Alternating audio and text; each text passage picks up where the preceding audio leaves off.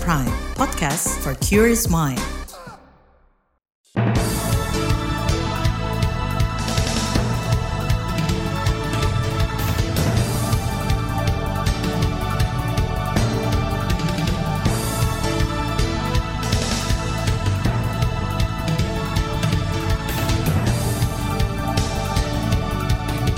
Selamat pagi saudara, berjumpa kembali dalam Buletin Pagi edisi Jumat 17 Februari 2023 bersama saya Naomi Liandra.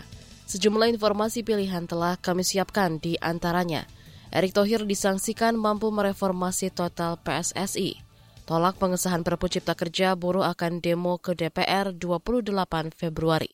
Banjir di Sukoharjo seribuan warga mengungsi. Inilah Buletin Pagi selengkapnya. Terbaru di Buletin Pagi. Presiden Joko Widodo berharap Ketua Umum PSSI terpilih bisa melakukan reformasi total di tubuh Federasi Sepak Bola Indonesia. Dalam Kongres Luar Biasa KLB di Jakarta kemarin, Menteri BUMN Erick Thohir terpilih menjadi Ketua Umum. Erick akan didampingi Ratu Tisha dan Zainuddin Amali yang menjadi Wakil Ketua Umum.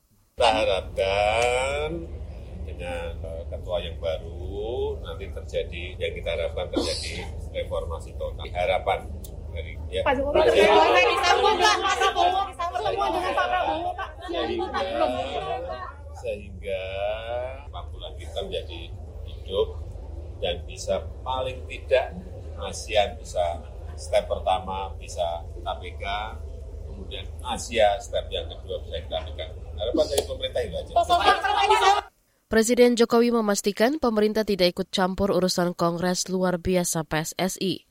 Karena sesuai statuta FIFA, pemerintah dilarang mencampuri kegiatan sepak bola.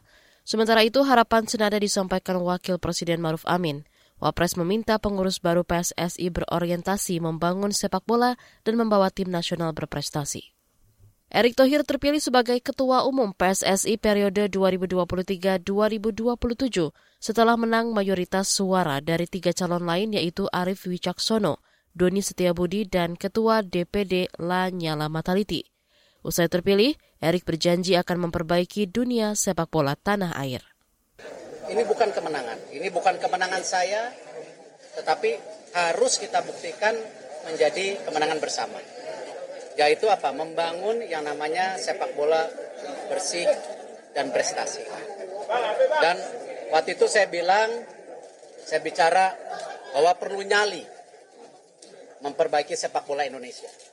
Tidak perlu teori-teori. Hari ini kita sudah tidak bicara nyali lagi.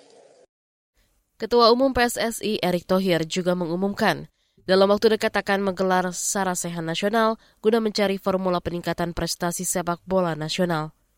Peserta Sarasehan dibagi per kelompok, mulai dari Liga 1, 2, dan 3, tim nasional, perwasitan, kepelatihan, futsal, dan sepak bola wanita. Kalangan parlemen turut bersuara positif atas terpilihnya Erick Thohir. Wakil Ketua Komisi Bidang Olahraga DPR, Hetifa Syaifudian, menunggu terobosan dan pembenahan internal kepengurusan PSSI.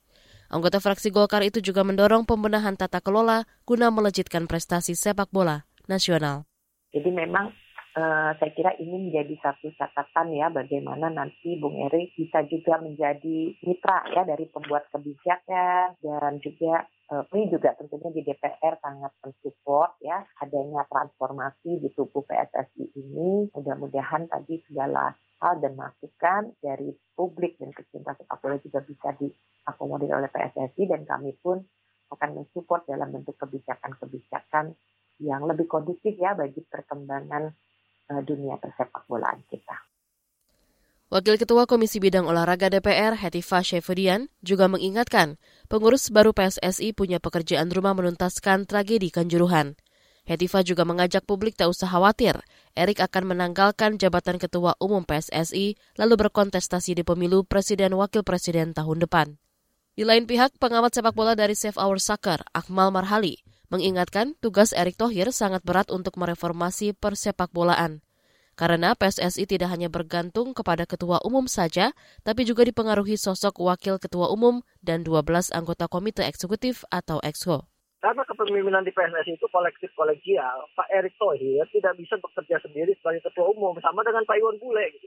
Kenapa Pak Iwan Bule nggak percaya? Karena ket- apa uh, komite eksekutifnya bermasalah semua. Hmm. Orang-orang yang bermasalah di sepak bola semua. Gitu. Nah ini bagaimana nanti Pak Erik bisa bekerja dengan efektif atau tidak sangat tergantung dengan komite eksekutifnya nanti gitu. Bekas anggota TGIPF Kanjuruhan, Akmal Marhali, juga meminta Erick Thohir fokus mengelola sepak bola nasional selama lima tahun ke depan. Jangan sampai jabatan Ketua Umum PSSI cuma batu loncatan untuk menaikkan pamor jadi calon presiden atau wakil presiden. Tapi bila itu yang terjadi, maka sepak bola Indonesia akan menderita dan mafia sepak bola sajalah yang berbahagia. Sementara itu, kuasa hukum tim gabungan Aremania, Andi Irfan, pesimistis Erick Thohir bisa mereformasi PSSI, apalagi memperbaiki sistem sepak bola tanah air. Andi yang juga sekjen kontras beralasan Erick masih berada dalam lingkaran Komite Eksekutif Exco PSSI yang lama. Para Exco PSSI itu terbukti menghindar dan lari dari tanggung jawab atas tragedi Kanjuruhan. Andi pun meminta Erik mengunjungi korban dan keluarga korban Kanjuruhan di awal-awal menahkodai PSSI.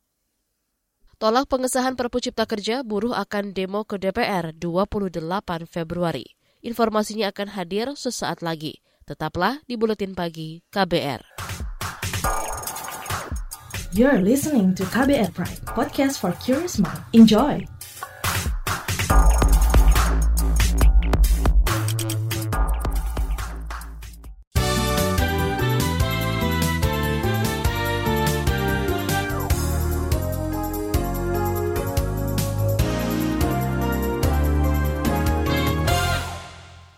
Anda sedang mendengarkan Buletin Pagi KBR.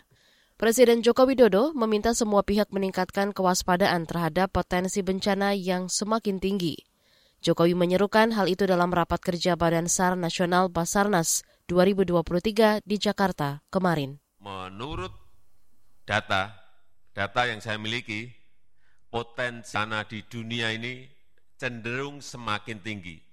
Frekuensinya lima kali lipat naik selama 50 tahun terakhir. Lima kali lipat. Hati-hati. Presiden Jokowi menyebut dalam kurun 12 tahun, frekuensi bencana di tanah air meningkat sampai 81 persen. Untuk itu, Jokowi berpesan agar Basarnas melengkapi sejumlah peralatan berteknologi mutakhir untuk mempercepat pencarian dan pertolongan korban saat terjadi bencana. Misalnya drone penyelamat, robot ular pencari korban gempa, robot, dan baju dengan mesin jet seperti Iron Man untuk penyelamatan korban di ketinggian. Konfederasi Serikat Pekerja Indonesia KSPI mengklaim mayoritas masyarakat menolak pengesahan Perpu Cipta Kerja sebagai undang-undang. Ketua KSPI, Said Iqbal, mempertanyakan tujuan dan keberpihakan aturan Cipta Kerja yang dianggap justru merugikan masyarakat termasuk buruh. Partai buruh dan organisasi serikat buruh mempersiapkan aksi besar-besaran terus-menerus. Aksi besar-besaran terus-menerus. Dan akan diawali di akhir bulan Februari 2023 ini. Aksi besar-besaran serempak di 34 provinsi, di lebih dari 450 kabupaten kota, menolak Omnibus Law Cipta Kerja. Ketua KSPI Said Iqbal juga menyebut sembilan isu Perpu Cipta Kerja yang disorot buruh. Di antaranya terkait upah minimum, pesangon, alih daya hingga pemutusan hubungan kerja PHK. Sementara itu, Ketua Umum Kongres Aliansi Serikat Buruh Indonesia Kasbi, Nining Elitos menyatakan, buruh bersama Aliansi Masyarakat Sipil akan berunjuk rasa menolak Perpu Cipta Kerja ke gedung DPR 28 Februari nanti. Pemerintah mengimbau masyarakat tidak perlu khawatir penyebaran virus Marburg meski tingkat fatalitasnya tinggi. Juru bicara Kementerian Kesehatan Siti Nadia Tarmizi menjelaskan wabah virus Marburg muncul pertama kali di Marburg, Jerman, kemudian menyebar ke Serbia dan kini ada di Guyana Ekuatorial kita tidak perlu khawatir ya karena sebenarnya penyakit marbuk ini uh, bukan pertama kali adanya laporan ini kepada WHO ya dan kalau kita lihat dari uh, pertama kali dilaporkan tentang penyakit ini uh, tidak pernah penyakit ini kemudian berkembang uh, luas dan cepat seperti mungkin nih kalau kita mengingat apa yang pernah kita hadapi dalam saat pandemi COVID-19. Juru bicara Kemenkes Siti Nadia Tarmizi menyebut sejumlah tips agar virus Marburg tidak mewabah di Indonesia. Antara lain, para pelaku perjalanan luar negeri yang mengunjungi daerah endemi Marburg harus melaporkan diri, apalagi jika mengalami gejala demam. Selain itu, menghindari mengonsumsi makanan mentah atau setengah matang. Dan jangan menyentuh hewan sakit atau berkontak dengan orang bergejala penyakit Marburg. Kita beralih ke informasi ekonomi.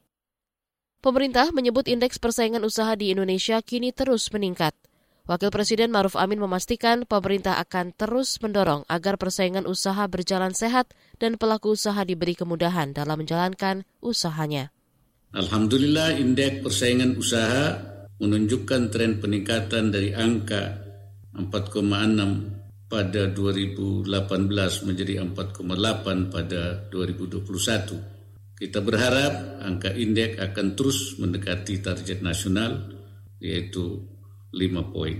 Pemerintah terus bekerja untuk memastikan hadirnya ekosistem usaha yang memenuhi rasa keadilan bagi pelaku usaha. Wakil Presiden Ma'ruf Amin meminta Komisi Pengawasan Persaingan Usaha KPPU menjamin persaingan usaha di tanah air berjalan baik. Salah satunya adalah menciptakan iklim usaha yang kondusif bagi investasi dan pertumbuhan usaha mikro kecil menengah atau UMKM.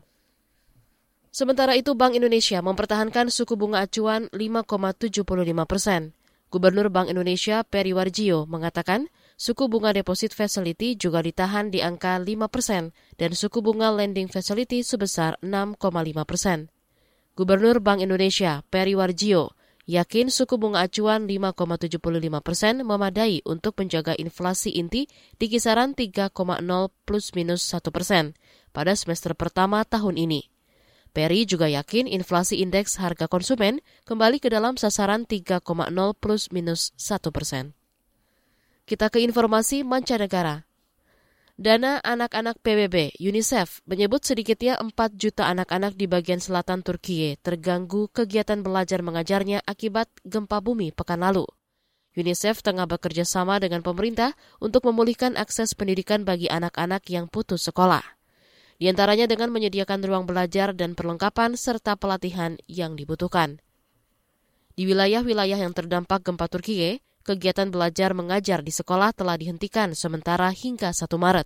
Gempa di Turkiye dan Suriah pada Senin pekan lalu telah menewaskan lebih dari 36 ribu orang. UNICEF mengatakan ingin memastikan anak-anak dapat kembali belajar secepat mungkin. Organisasi tersebut saat ini sedang menilai tingkat kerusakan di sekolah-sekolah, melakukan persiapan untuk perbaikan segera, dan membangun ruang belajar sementara. Beralih ke informasi olahraga. Kita ke kejuaraan Asia Bulu Tangkis Beregu Campuran 2023 di Dubai, Uni Emirat Arab. Indonesia kemarin menghadapi perlawanan sengit Thailand di laga terakhir grup C. Ganda putri Apriani Rahayu, Siti Fadia Silva Ramadanti menunjukkan kualitas terbaik dengan mampu menyamakan kedudukan 2-2. Apriani dan Siti Fadia menang rubber set Benyama Nuntakan. Laga sebelumnya Tunggal Putra, Antoni Sinisuka Ginting, kalah dari Sitikom Tamasin, dua game langsung. Kekalahan juga dialami Tunggal Putri Gregoria Mariska Tunjung dari Busanan. Skuad Merah Putih mampu bangkit dan memperkecil ketertinggalan melalui ganda putra Fajar Alfian, Muhammad Rian Ardianto di partai ketiga. Mereka sukses mengalahkan Pantranyu Warapol lewat laga tiga game. Di partai penentu, ganda campuran Rinov Pita menang melawan Terat Sakul Muan Wang. Menang 3-2 dari Thailand membuat Indonesia juara grup C dan Thailand menjadi runner-up Asia Bulu Tangkis beregu campuran 2023 di Dubai, Uni Emirat Arab. Di bagian berikutnya kami hadirkan laporan khas KBR tentang polemik putusan dari Hakim Agung bermasalah. Tetap di Buletin Pagi KBR. You're listening to KBR Pride, podcast for curious mind. Enjoy!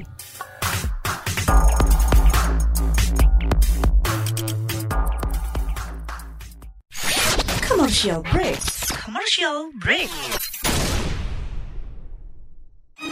Sekarang kamu nggak bakal ketinggalan berita lagi. Lewat podcast, kamu bisa kembali menyimak apa yang sudah lewat serta obrolan seru di balik sebuah peristiwa. Gak perlu repot download aplikasi lagi. Ketik aja kbrprime.id di browser ponsel pintar kamu dan simak beragam podcast di KBR Prime.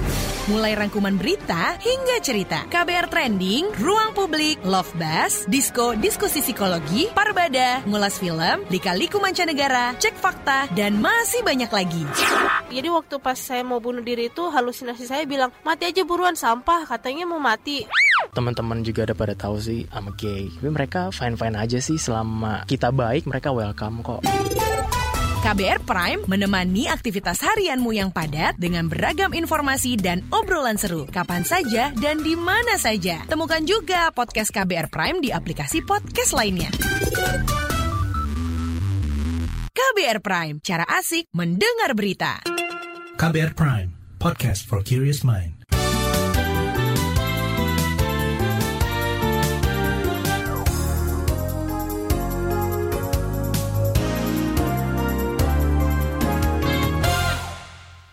Anda masih bersama kami di Buletin Pagi KBR. Mahkamah Agung baru-baru ini memangkas hukuman bekas Menteri Kelautan dan Perikanan Edi Prabowo menjadi lima tahun penjara. Padahal sebelumnya Pengadilan Tinggi Jakarta menghukum Edi Prabowo dengan sembilan tahun penjara. Putusan MA itu diberikan Hakim Agung Gazal Basaleh yang menjadi tersangka suap perkara. Putusan itu memicu polemik pada keabsahan sejumlah putusan Gazalba sebelumnya – Berikut laporan khas KBR disusun Hoirunisa. Lembaga Mahkamah Agung terus menjadi sorotan. Setelah dua hakim agung menjadi tersangka korupsi, putusan-putusan kasasi yang mereka keluarkan juga dipertanyakan. Sebelumnya, Hakim Agung Gazal Basaleh dan Sudrajat Timyati menjadi pesakitan setelah ditetapkan Komisi Pemberantasan Korupsi KPK sebagai tersangka suap dalam pengurusan perkara koperasi simpan pinjam inti dana. Gazalba Saleh diduga menerima suap untuk memenjarakan pengurus inti dana, Suparman Gandhi, selama lima tahun penjara. Putusan kasasi itu akhirnya dianulir Mahkamah Agung di tingkat peninjauan kembali. Usai Gajalba ditahan KPK. Sedangkan Sudrajat Timyati diduga menerima suap untuk mempailitkan inti dana. Gara-gara skandal suap itu terbongkar KPK, MA menganulir pilot inti dana. Lembaga MA kembali menjadi sorotan karena putusan kasasi yang mengurangi hukuman terpidana korupsi bekas Menteri Kelautan dan Perikanan Edi Prabowo. Putusan itu ternyata dikeluarkan oleh Gazal Basaleh, Hakim Agung yang menjadi tersangka penerima suap. Komisi Pemberantasan Korupsi KPK menilai kasus Edi Prabowo sudah ingkrah atau berkekuatan hukum tetap baik pidana badan maupun pidana denda. Meski begitu, juru bicara KPK Ali Fikri mempersilahkan jika ada masyarakat yang memiliki bukti, misalnya ada kasus suap dalam pemotongan vonis kasasi Edi Prabowo, agar menyerahkan bukti itu kepada KPK. Kalau kemudian misalnya ya dalam perkara Edi Prabowo ada masyarakat yang tahu Maki atau siapa pun mm -hmm. punya data nih catatan misalnya seseorang yang pernah memberikan uang ke GS dalam rangka pengurusan perkara Edi Prabowo gitu misalnya. Mm -hmm atau ada uh, informasi dari orang yang pernah cerita OCX pernah mengaku bahwa dia pernah negosiasi transaksi dengan GS untuk hmm. perkara Edi Prabowo misalnya seperti itu hmm. Nah, itu diinfokan kepada kami kepada KPK gitu sehingga nanti kami tindak lanjuti dengan pengayaan informasi lebih lanjut gitu. Di sisi lain, Juru bicara Komisi Yudisial, Miko Ginting membantah jika kasus-kasus yang membelit Hakim Agung karena lemahnya pengawasan. Menurut Miko Ginting, terungkapnya skandal suap Hakim Agung justru membuktikan pengawasan terhadap Hakim Agung sudah berjalan. Ya, karena pengawasannya berjalanlah kemudian maka perkara-perkara ini dapat di, diendus dan kemudian di, diungkap begitu ya. Jadi meletakkan pengawasan hanya pada institusi saja itu juga tidak lagi relevan gitu ya karena sebenarnya penegakan hukum yang dilakukan oleh KPK maupun penegak hukum lain itu itu bagian dari pengawasan juga gitu. Mm. Nah tentu itu tidak menyingkirkan bahwa penguatan-penguatan uh, pengawasan ya itu penting untuk dilakukan gitu ya. Nah salah satunya adalah memperkuat lembaga dan mekanisme pengawasannya gitu. Skandal di Mahkamah Agung membuat berbagai kelompok masyarakat meminta MA melakukan eksaminasi atau menguji putusan-putusan yang dibuat oleh Hakim Agung Gazalbas dan Sudrajat Timyati, termasuk putusan MA yang memangkas hukuman terhadap bekas Menteri Edi Prabowo. Peneliti ICW, Laula Esther menyebut mekanisme eksaminasi dapat dilakukan serta sifatnya berjenjang Mahkamah Agung sebagai pengadilan tertinggi bisa melakukan eksaminasi oleh ketua kamar pidananya atau yang sesama kolega hakim agung ataupun akademisi dan ahli. Jadi itu bisa terlihat apakah memang uh, ada dugaan bahwa keputusan itu dihasilkan dengan kausa yang tidak halal gitu atau dengan motivasi yang buruk misalnya ya. Uh, karena kalau misalnya hakim itu memang memutus dengan pertimbangan yang matang, mempertimbangkan putusan-putusan dan pertimbangan hakim di pengadilan sebelum-sebelumnya, itu saya sih apalagi kasusnya selevelnya Edi Prabowo gitu ya harusnya tidak gegabah mengeluarkan putusan seperti itu. Desakan juga disampaikan bekas penyidik KPK Yudi Purnomo yang sebelumnya ikut menangani kasus Edi Prabowo. Ia mendorong MA melakukan evaluasi pasca Hakim Agung Gazal Basaleh justru menjadi tersangka. Harusnya Mahkamah Agung ini kan memahami negara kita sedang berperang melawan korupsi. Dan ketika hakim di bawahnya berani menghukum tinggi ya eh, para pelaku tindak pidana korupsi seharusnya mereka juga seperti itu gitu kan. Dan tentu dengan pemangkasan ini ya uh, apa namanya ya MA harus mengevaluasi gitu ya. Kan sekarang semua mata sedang tersorot pada MA apa yang dilakukan oleh MA untuk melakukan reformasi di lembaganya seperti itu? Setelah dua hakim agung menjadi tersangka. Ex penyidik KPK Yudi Purnomo juga menilai KPK semestinya mempunyai kewenangan menelusuri putusan kasasi tersebut karena salah satu hakim agung yang memberi putusan untuk Edi adalah Gazalba yang dijadikan tersangka oleh KPK. Yudi menilai pemangkasan hukuman untuk Edi Prabowo akan ikut memperburuk penanganan korupsi di Indonesia. Laporan ini disusun Hoirunisa. Saya Heru Haitami. Informasi dari berbagai daerah akan hadir usai jeda tetaplah bersama Buletin Pagi KBR. You're listening to KBR Pride, podcast for curious mind. Enjoy!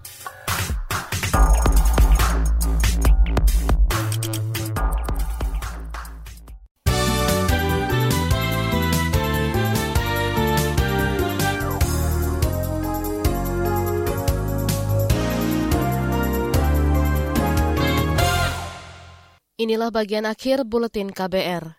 Kita ke Jawa Tengah. Bupati Rembang Abdul Hafiz mengancam akan mencopot pejabat berwenang bila gagal menyelesaikan data kemiskinan ekstrim yang harus diserahkan ke Gubernur Jawa Tengah pekan ini. Informasi selengkapnya bersama reporter radio jaringan Musyafa dari Radio R2B Rembang. Pemerintah Kabupaten Rembang fokus menuntaskan data kemiskinan ekstrim karena minggu ini harus diserahkan kepada Gubernur Jawa Tengah. Bupati Rembang Abdul Hafid bahkan menyampaikan akan mencopot atau memindahkan Kepala Dinas Pemberdayaan Masyarakat dan Desa atau Din Permades apabila tidak memenuhi target tersebut. Saya minggu ini harus menyampaikan ke Pak Gubernur data kemiskinan ekstrim. Biar Pak Selamat ini. Nah, Nek pasal biasa nyelesaikan ya engko resikone diganti apa dileh apa dipindah ning ndi. Nah, makanya harus kerja keras Pak Slamet ini. Bupati Rembang Abdul Hafiz, maka ia mendorong kepala desa segera menyerahkan data kemiskinan ekstrim kepada tingkat kecamatan supaya kecamatan bisa meneruskan ke kabupaten. Mengingat hingga hari ini masih banyak yang belum menyerahkan data. Data menjadi sangat penting karena sebagai bahan melakukan intervensi kebijakan. Ditargetkan tahun 2024 zero kemiskinan ekstrim. Musyafa R2 Birembang melaporkan untuk KBR. Kita ke Jawa Tengah. Sedikitnya seribu warga di Kabupaten Sukoharjo, Jawa Tengah kebanjiran dan mengungsi. Menurut petugas jaga di posko BPBD Sukoharjo, Bambang, para pengungsi berasal dari tiga kecamatan, yakni Baki, Grogol, dan Mojolaban. Banjir diakibatkan hujan deras dan meluapnya air sungai Bengawan Solo. Hingga tengah malam tadi, ketinggian banjir di Sukoharjo belum surut atau masih setinggi dada orang dewasa. Uh, jadi, karena debit air Bengawan Solo tinggi, maka dari desa-desa uh, itu tidak bisa masuk ke Sungai Bengawan Solo karena uh, uh, air yang ada di Sukoharjo itu uh, larinya ke Bengawan Solo gitu. Airnya itu ngantri masuk gitu. Ya, hujan. Itu saat ini yang saat ini dibutuhkan saat itu mungkin kalau pagi itu makanan yang siap saji Bapak. Uh, untuk perahu karet kita sudah cukup karena uh, banyak relawan juga yang menggunakan perahu fiber. Itu tadi petugas jaga di posko BPBD Sukoharjo, Bambang. Sementara itu alat peringatan dini banjir atau EWS yang berada di Desa Telukan, Kecamatan Grogol, Sukoharjo, dilaporkan tidak berfungsi karena kehabisan baterai. Empat EWS lainnya masih dalam pengecekan. Sukoharjo termasuk daerah tengah dan hilir aliran Sungai Bengawan Solo. Hingga tengah malam tadi, rata-rata ketinggian air Bengawan Solo berstatus siaga merah. Informasi tadi menutup jumpa kita di Buletin Pagi hari ini. Pantau informasi terbaru melalui kabar baru, situs kbr.id, Twitter at berita KBR, podcast kbrprime.id. Saya Naomi Liandra bersama tim yang bertugas undur diri. Salam.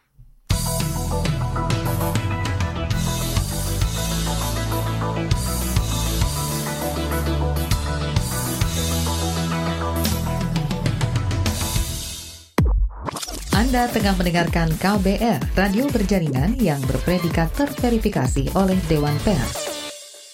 KBR Prime, cara asik mendengar berita. KBR Prime, podcast for curious mind.